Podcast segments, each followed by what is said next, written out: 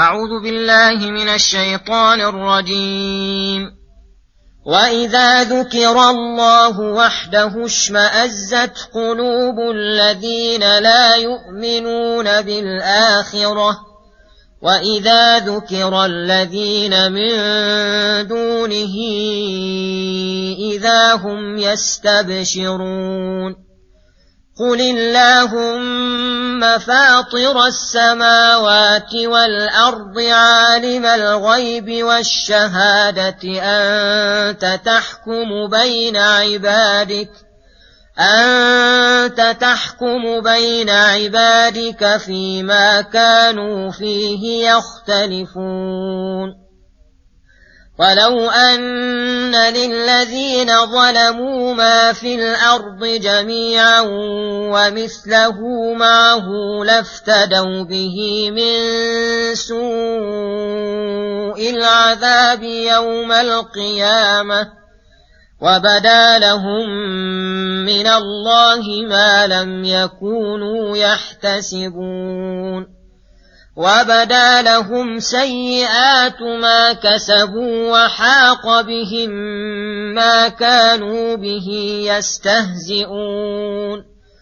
فاذا مس الانسان ضر دعانا ثم اذا خولناه نعمه منا ثم إذا خولناه نعمة منا قال إنما أوتيته على علم بل هي فتنة ولكن أكثرهم لا يعلمون قد قالها الذين من قبلهم فما اغنى عنهم ما كانوا يكسبون فاصابهم سيئات ما كسبوا والذين ظلموا من هؤلاء سيصيبهم سيئات ما كسبوا وما هم بمعجزين. اولم يعلموا ان الله يبسط الرزق لمن يشاء ويقدر إن في ذلك لآيات لقوم يؤمنون. بسم الله الرحمن الرحيم. السلام عليكم ورحمة الله وبركاته. يقول الله سبحانه وإذا ذكر الله وحده اشمأزت قلوب الذين لا يؤمنون بالآخرة. وإذا ذكر الذين من دونه إذا هم يستبشرون. يذكر تعالى حالة المشركين وما اقتضاه شركهم. وأنهم إذا ذكر الله وحده توحيدا له وعملا بإخلاص الدين له وترك ما يعبدون من دونه يشمئزون وينفرون ويكرهون ذلك أشد الكراهة. وإذا ذكر الذين من دونه من الأصنام والأنداد ودعا الداعي إلى عبادتها ومدحها إذا هم يستبشرون بذلك فرحا بذكر معبوداتهم ولكون الشرك موافقا لأهوائهم. وهذه الحال شر الحالات وأشنعها ولكن موعدهم يوم الجزاء فهناك يؤخذ الحق منهم وينظر هل تنفعهم آلهتهم التي كانوا يدعون من دون الله شيئا ولهذا قال قل اللهم فاطر السماوات والأرض أي خالقهما ومدبرهما عالم الغيب الذي غاب عن أبصارنا وعلمنا والشهادة الذي نشاهده. أنت تحكم بين عبادك فيما كانوا فيه يختلفون.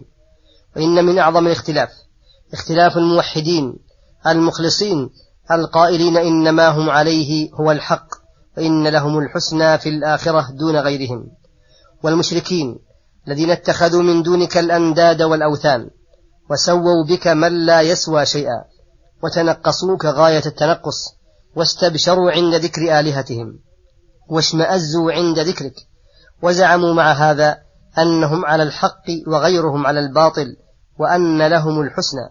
قال تعالى إن الذين آمنوا والذين هادوا والصابئين والنصارى والمجوس والذين أشركوا إن الله يفصل بينهم يوم القيامة. إن الله على كل شيء شهيد. وقد أخبرنا بالفصل بينهم بعدها بقوله هذان خصمان اختصموا في ربهم.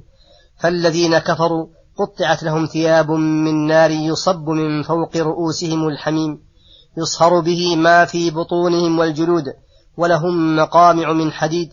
إلى أن قال إن الله يدخل الذين آمنوا وعملوا الصالحات جنات تجري من تحت الأنهار. يحلون فيها من أساور من ذهب ولؤلؤا ولباسهم فيها حرير. وقال تعالى الذين آمنوا ولم يلبسوا إيمانهم بظلم أولئك لهم الأمن وهم مهتدون. إنه من يشرك بالله فقد حرم الله عليه الجنة ومأواه النار. ففي هذه الآية بيان عموم خلقه تعالى وعموم علمه وعموم, وعموم حكمه بين عباده وقدرته التي نشأت عنها المخلوقات وعلمه المحيط بكل شيء دال على حكمه بين عباده وبعثهم وعلمه بأعمالهم خيرها وشرها وبمقادير جزائها وخلقه دال على علمه ألا يعلم من خلق. ثم يقول سبحانه ولو أن للذين ظلموا ما في الأرض جميعا وجميعا ومثله معه لافتدوا به من سوء العذاب يوم يوم القيامة الآيات.